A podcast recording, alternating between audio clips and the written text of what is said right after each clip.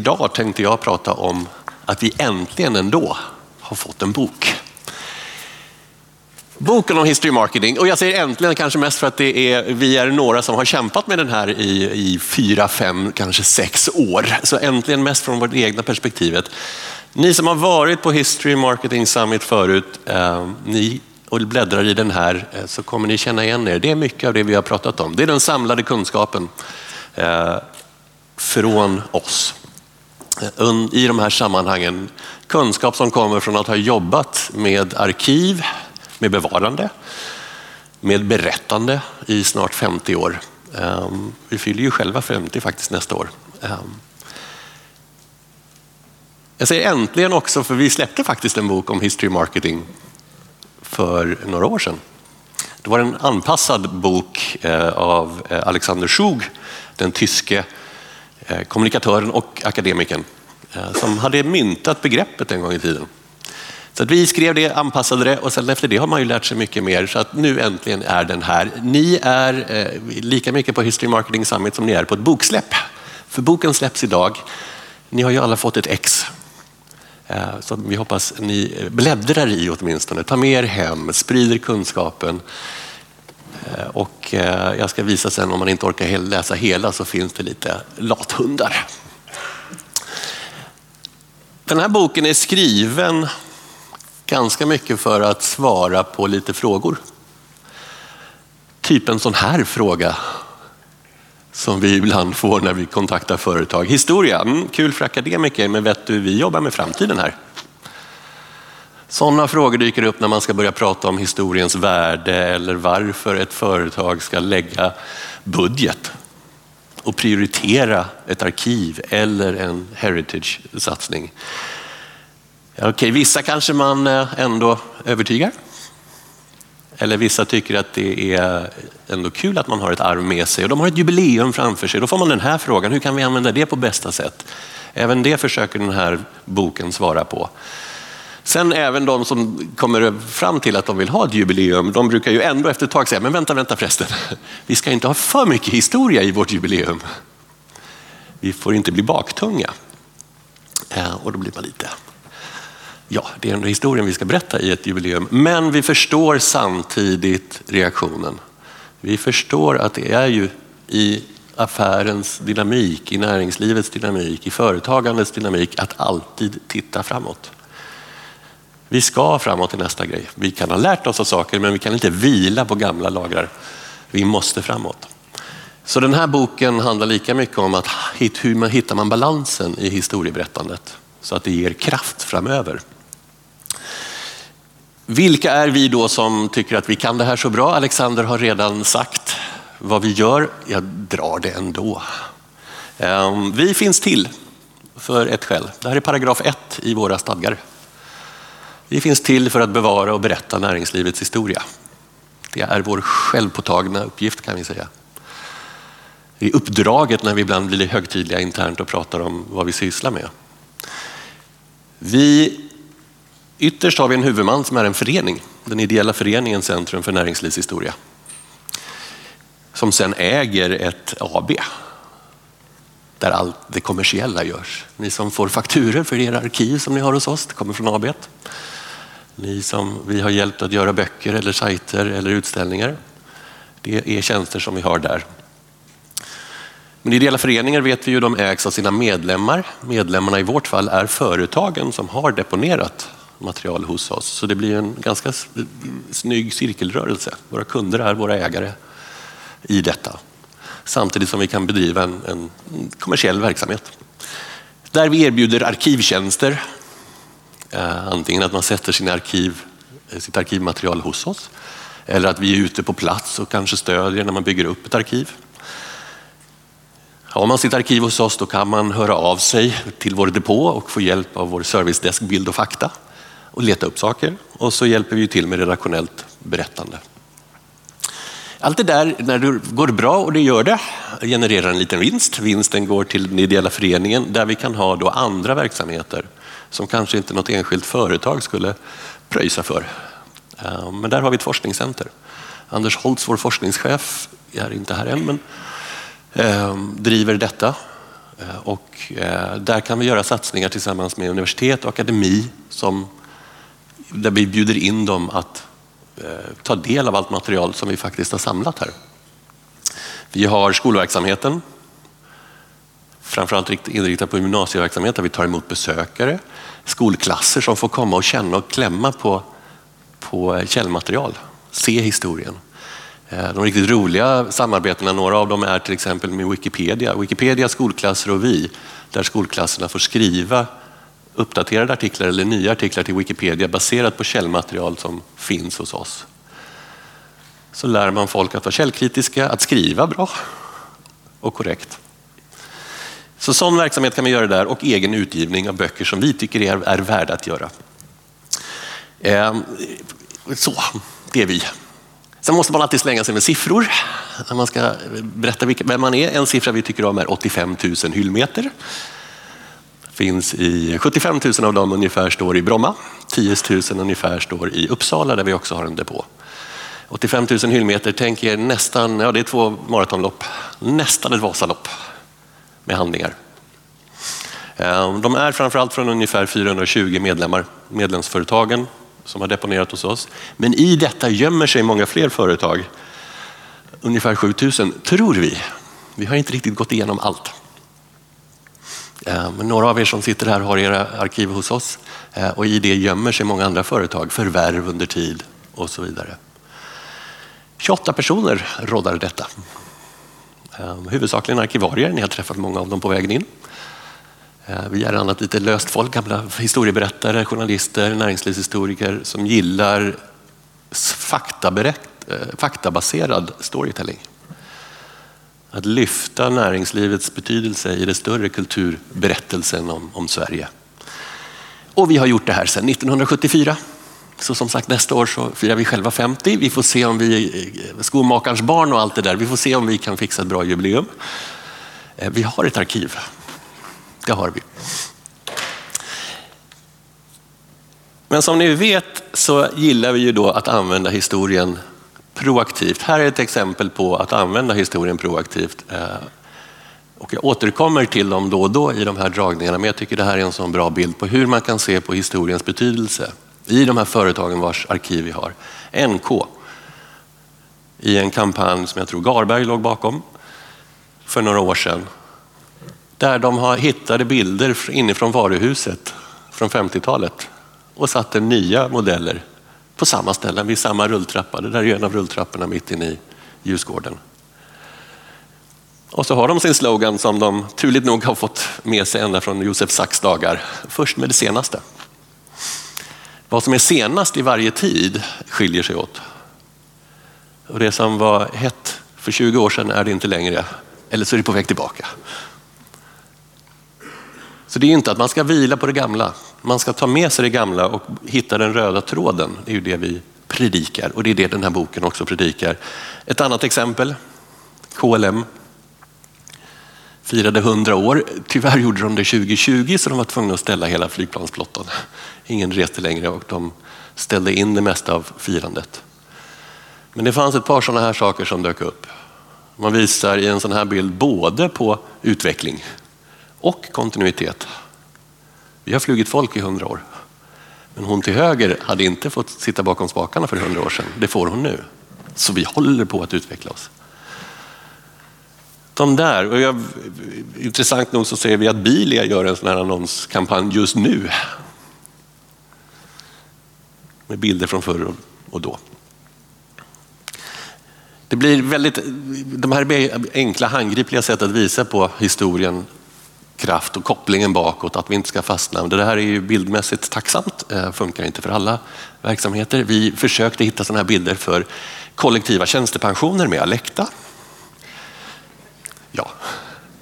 Men principen är samma sak. Ta med er det som är kontinuiteten, visa på det som är utvecklingen. Så får ni kraft.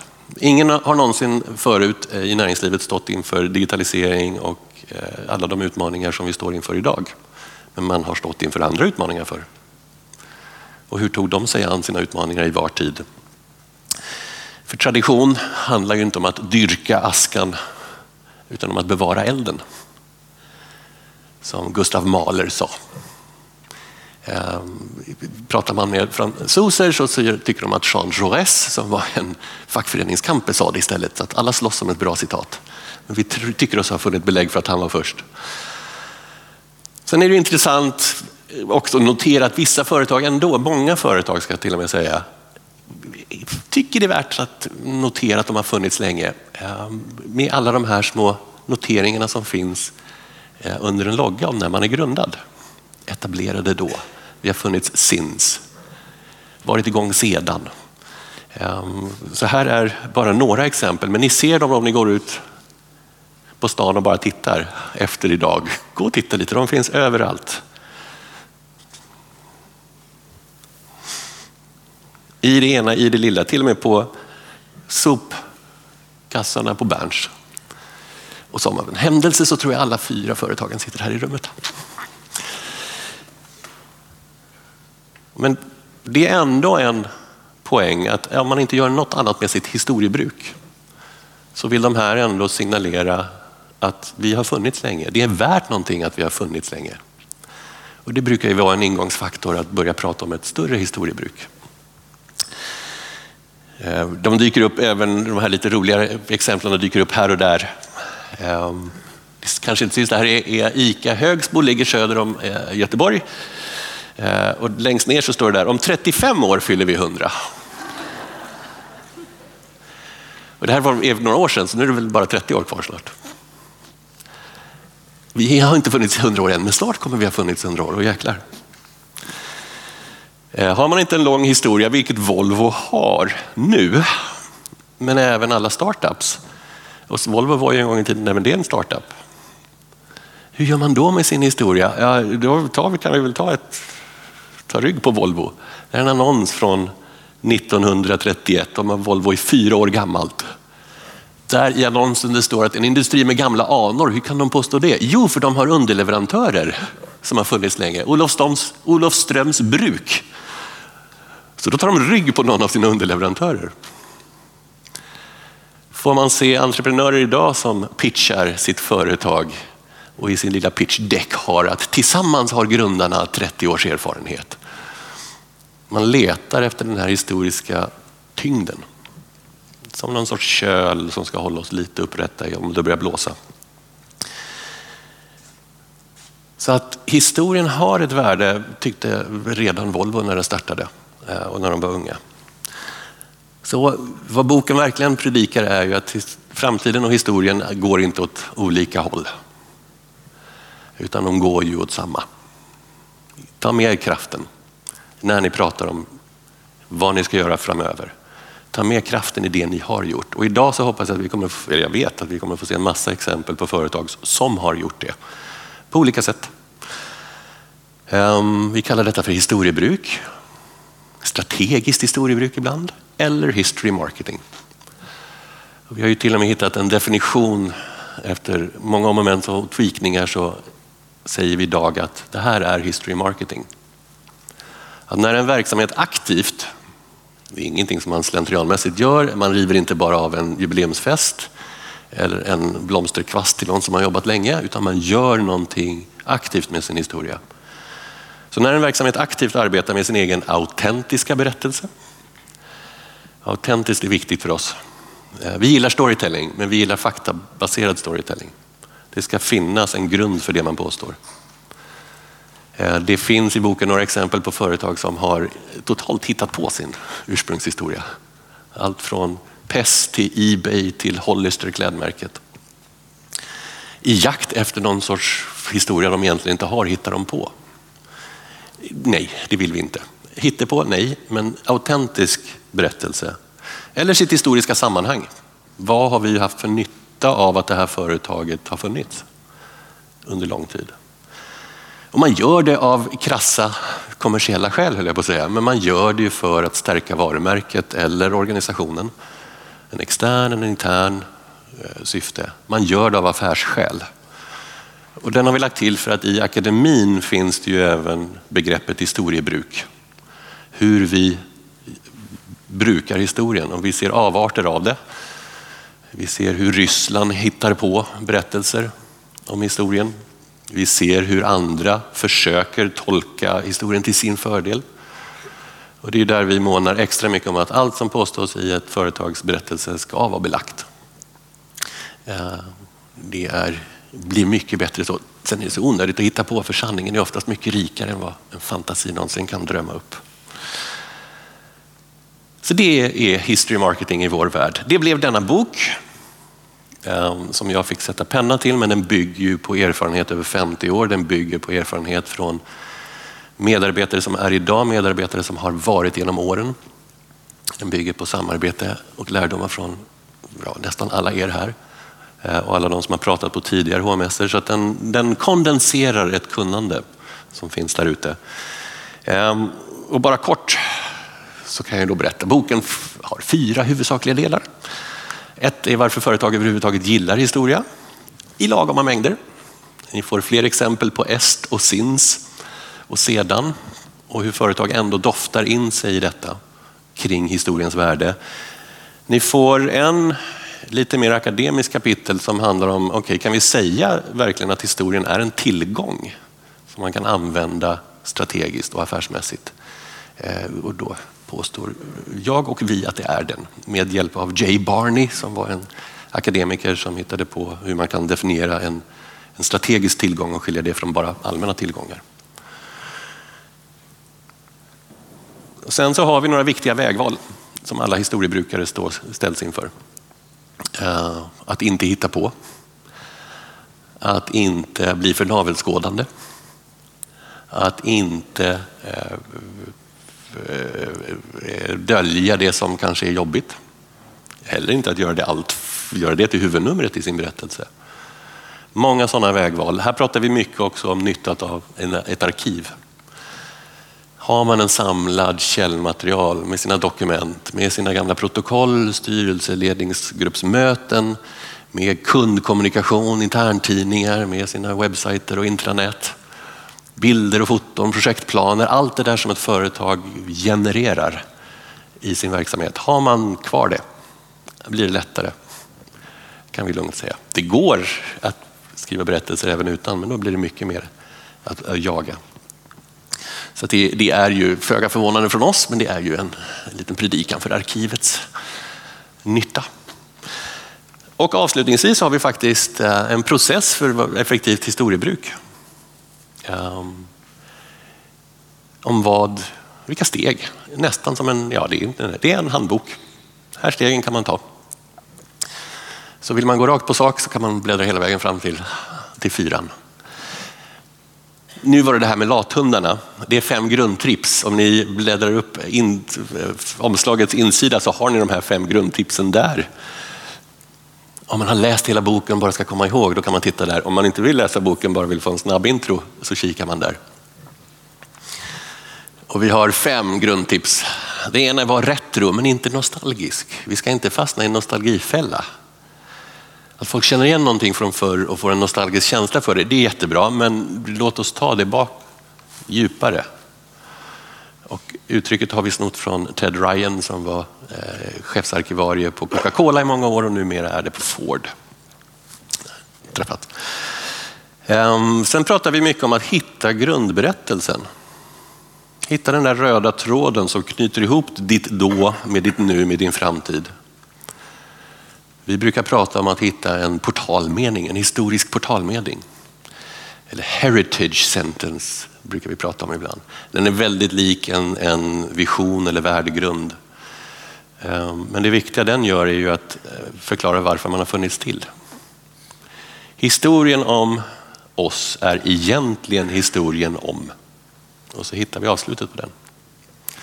Och den kan formuleras olika beroende på när i tid eh, man gör detta.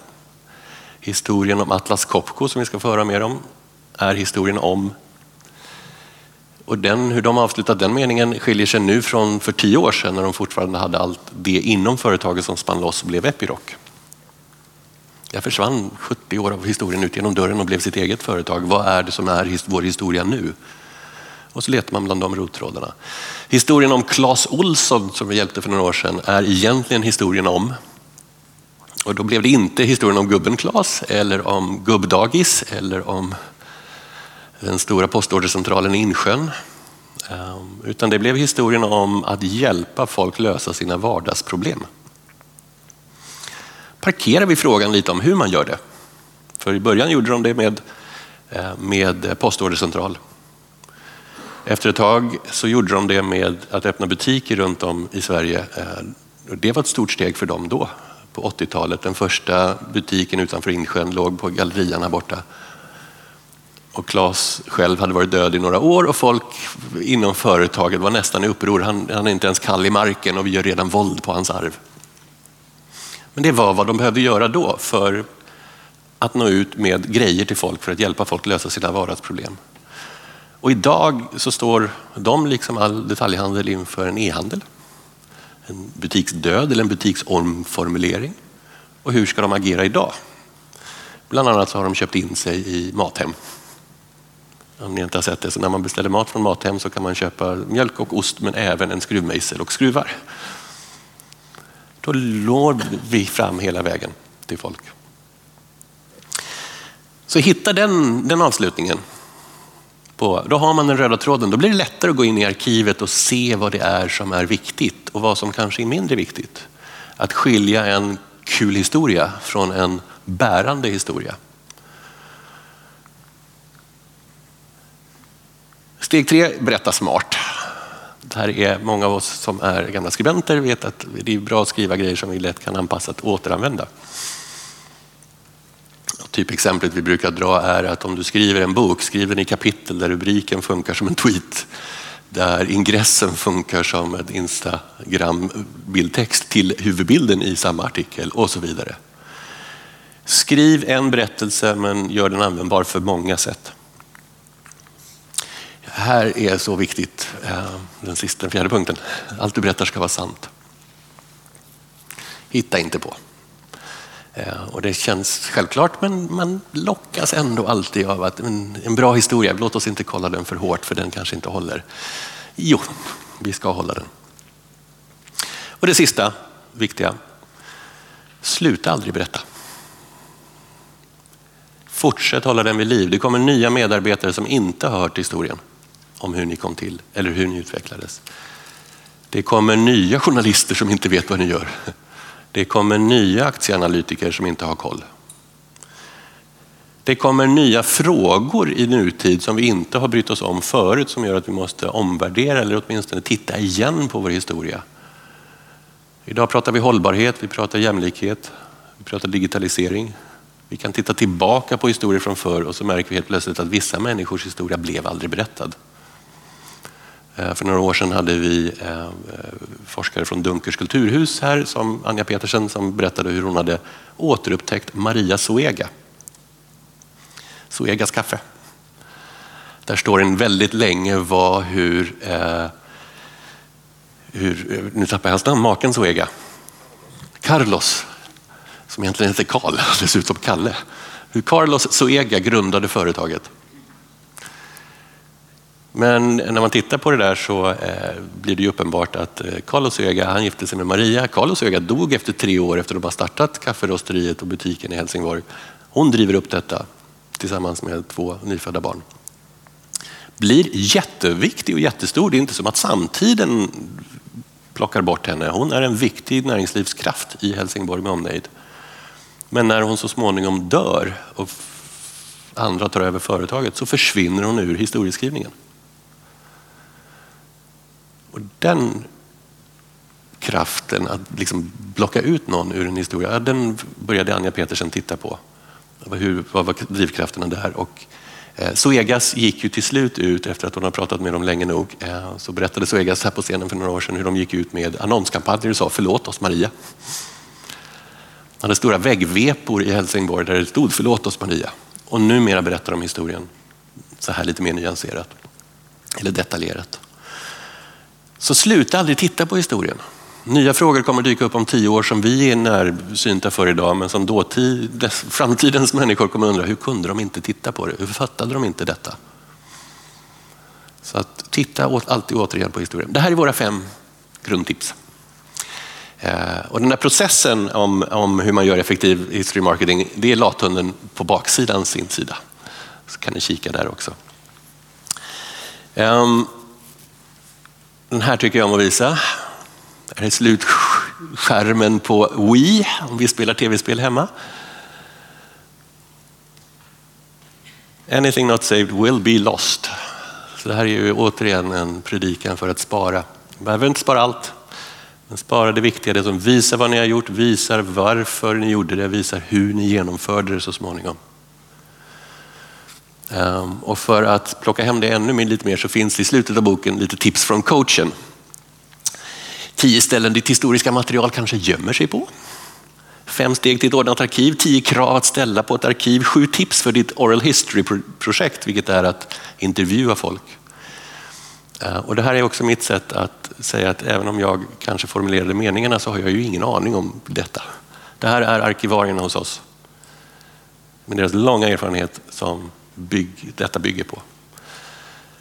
Så att, jag vill egentligen bara be kollegorna från Centrum för näringslivshistoria som står, finns här, stå upp. Så får jag tacka för allt ni har gjort.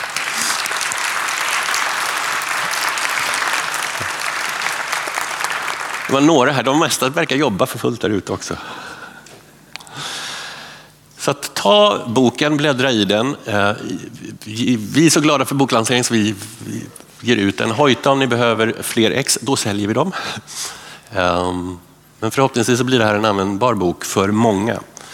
Ehm, helt avslutningsvis, eh, även om vi själva tycker att vi är väldigt duktiga och tycker att vi håller på med någonting som är i vår värld är cutting edge, så blir det ju ibland att man märker att ingenting är nytt under solen. 1939 kom det här brevet till en fabrikör, Tidbeck. Och det är undertecknat av Stig Arbman som blev, just då jobbade på SLT Reklam, så småningom startade Arbmans reklambyrå och blir nestor inom svensk reklamutveckling. Men det här är ett brev där han talar om hur man kan använda och fira ett jubileum.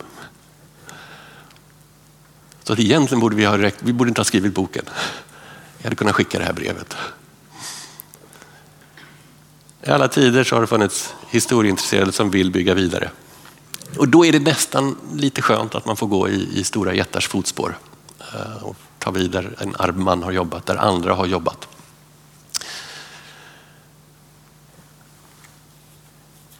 Avslutningsvis, vi är optimistiska, det är vi alltid. Några av er kommer att säga att vi går omkring med sådana här var optimistnålar. Gustav Dahlén, Agas starka man under många år. Eh, den enda näringslivsprofilen som har fått Nobelpris i fysik. Gick omkring med denna eh, knapp på sin kavaj. När han mötte någon som lät lite dyster så tog han av sin och satte på den på nästa människa. Sen hade han en extra som han kunde sätta på sig själv, så han hade ju alltid en extra. Vi är optimistiska kring historiebrukets framtid. Vi är optimistiska kring historiens kraft att hjälpa företag framåt. Eh, vi är optimistiska kring history marketing. Eh, så med detta vill jag bara säga tack.